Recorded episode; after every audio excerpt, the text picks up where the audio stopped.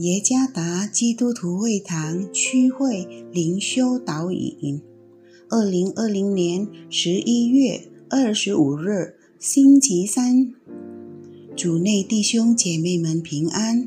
今天的灵修导引，我们借着圣经《列王记上》十九章第一到第三节来思想今天的主题：爱除去恐惧。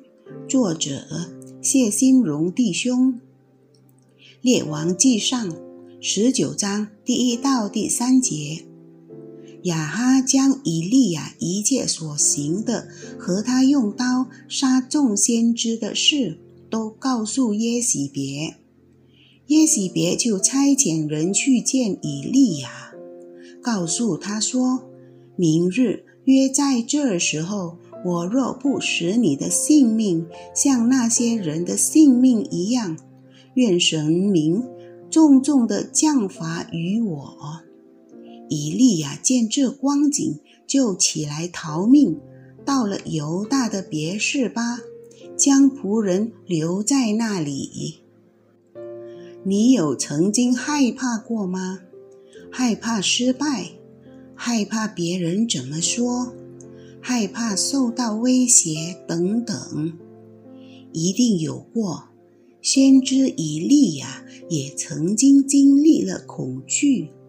可想象，一位因执行许多神迹而闻名的先知，曾经看到并经历上帝的大能，使用他去帮助撒勒法的寡妇，叫人从死里复活。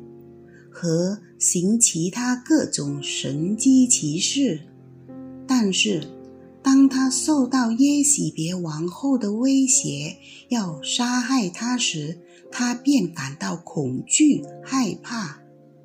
即使以利亚刚刚才彰显上帝的伟大，降下火烧尽凡祭、击败巴利的先知，甚至。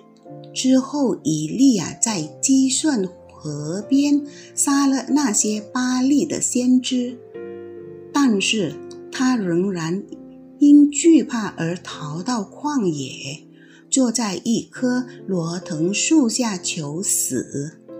在这里，我们可以看到恐惧感能挫败了像以利亚这样的先知，透过天使。上帝为以利亚预备了炭火烤的饼和一瓶水，并充足的休息。有了这些食物，他有足够力量走了四十昼夜，来到河烈山。在那里，以利亚遇见了上帝，并向他说话，且恢复了他。使他能够与上帝所赐的团队一起完成他的职事。我们可以看到上帝完美的爱在恐惧中。